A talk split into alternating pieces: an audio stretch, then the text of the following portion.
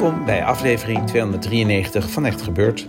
De podcast waarin waargebeurde verhalen worden verteld door de mensen die ze zelf hebben beleefd. In deze aflevering een verhaal dat Floor Soesbergen in februari 2019 vertelde tijdens een verhalenmiddag met het thema Sprookjes.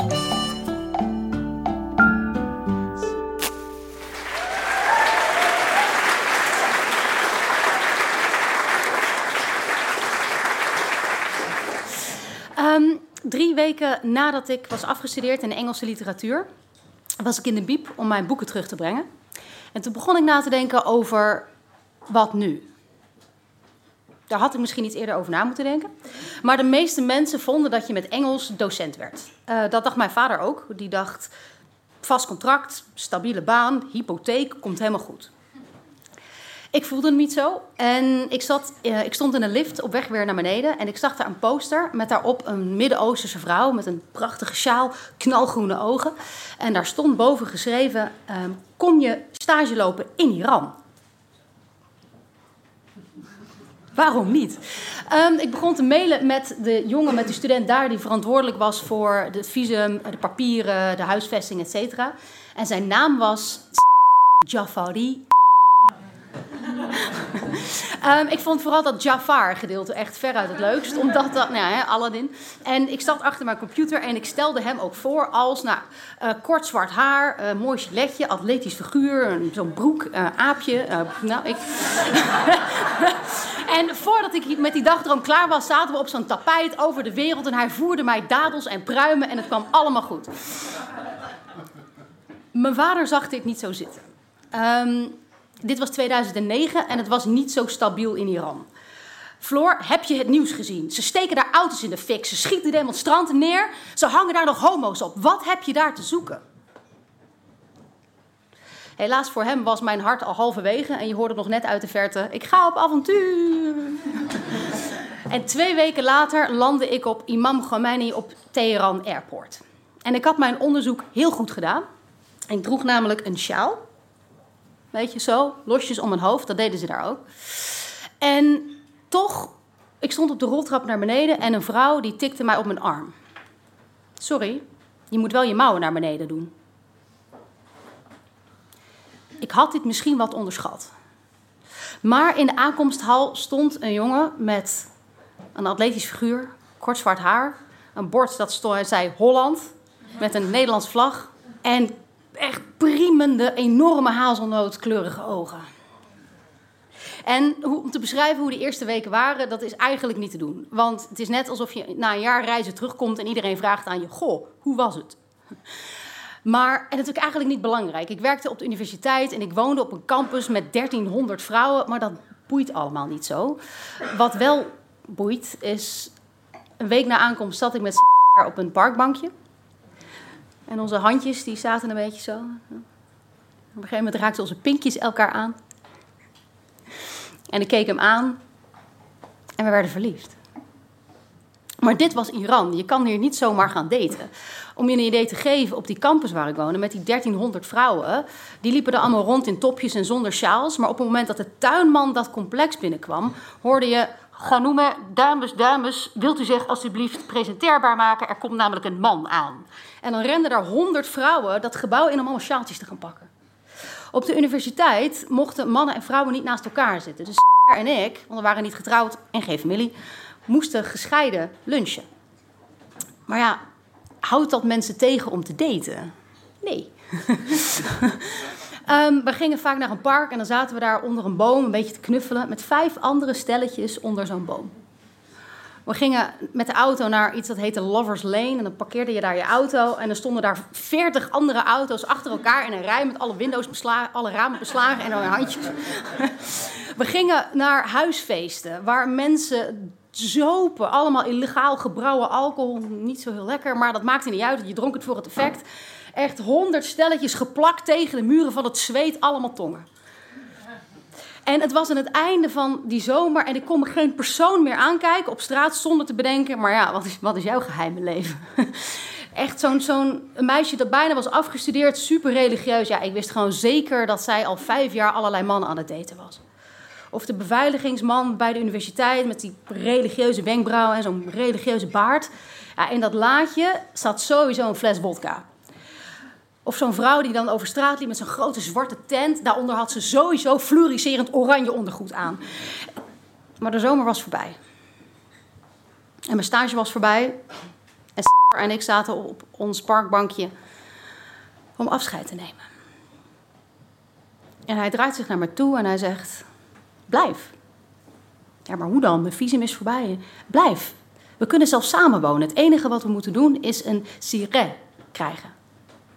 Wat is een siret? Dat is een. Uh, ja, het is niks. Het is een, uh, wat? Het is een tijdelijk huwelijk.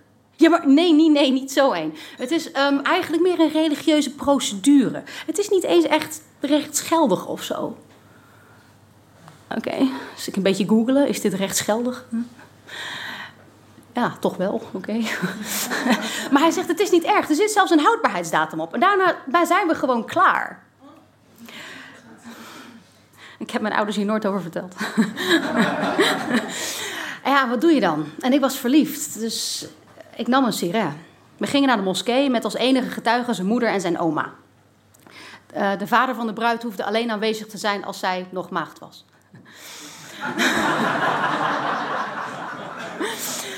en daarna ik trok bij hem in, we kregen een klein appartementje en daarna werden we samen wakker. We gingen samen naar werk. We zaten samen anderhalf uur in de file naar werk.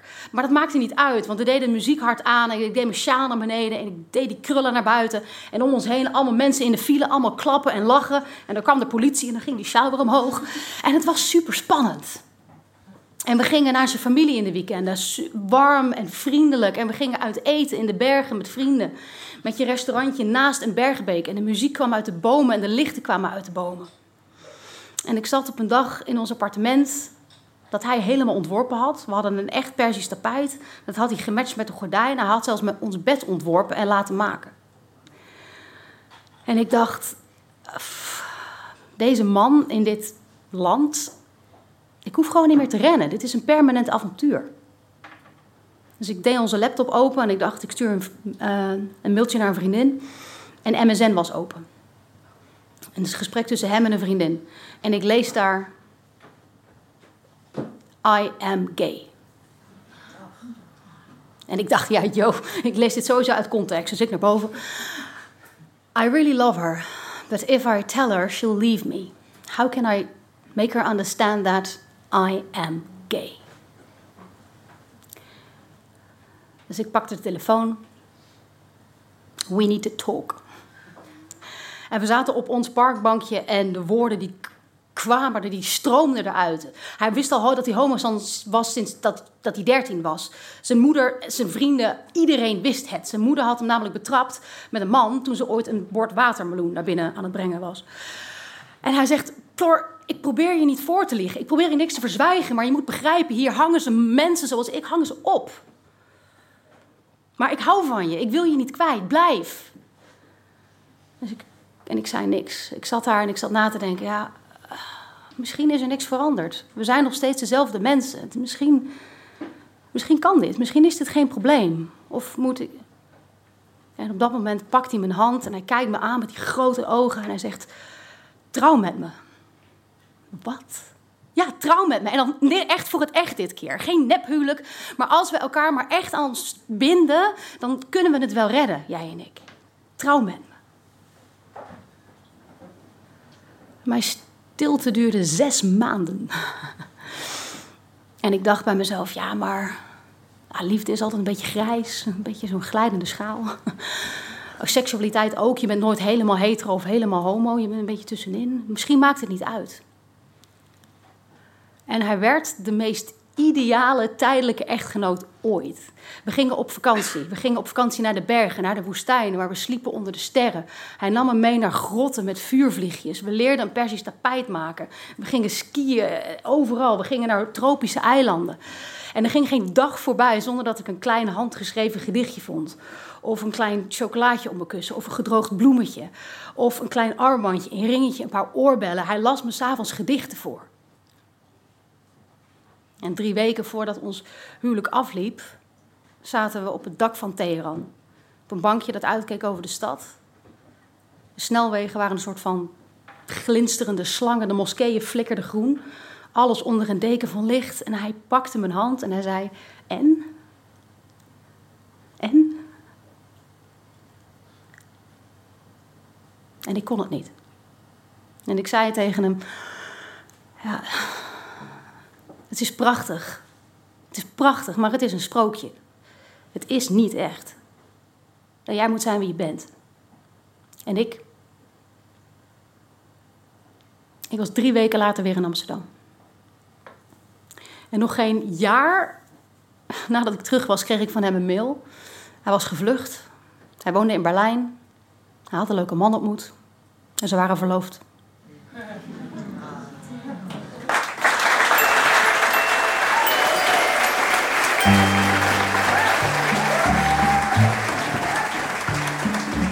Dat was een verhaal van Floor Soesbergen.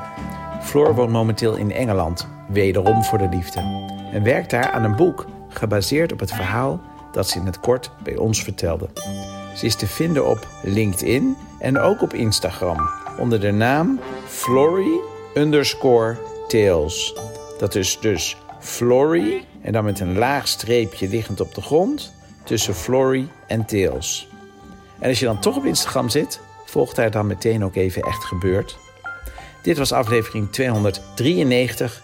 Redactie Paulien Cornelissen, Roze van Toledo, Maarten Westerveen en mijzelf, Micha Bertheim. Productie Eva Zwaving, zaaltechniek Jasper van Oorschot en podcast Gijsbert van der Wal. Tot volgende week en vergeet niet, als je ooit in een sprookje terechtkomt, kijk dan niet in de MSN van een ander, want zelfs in sprookjes draagt iedereen geheimen met zich mee.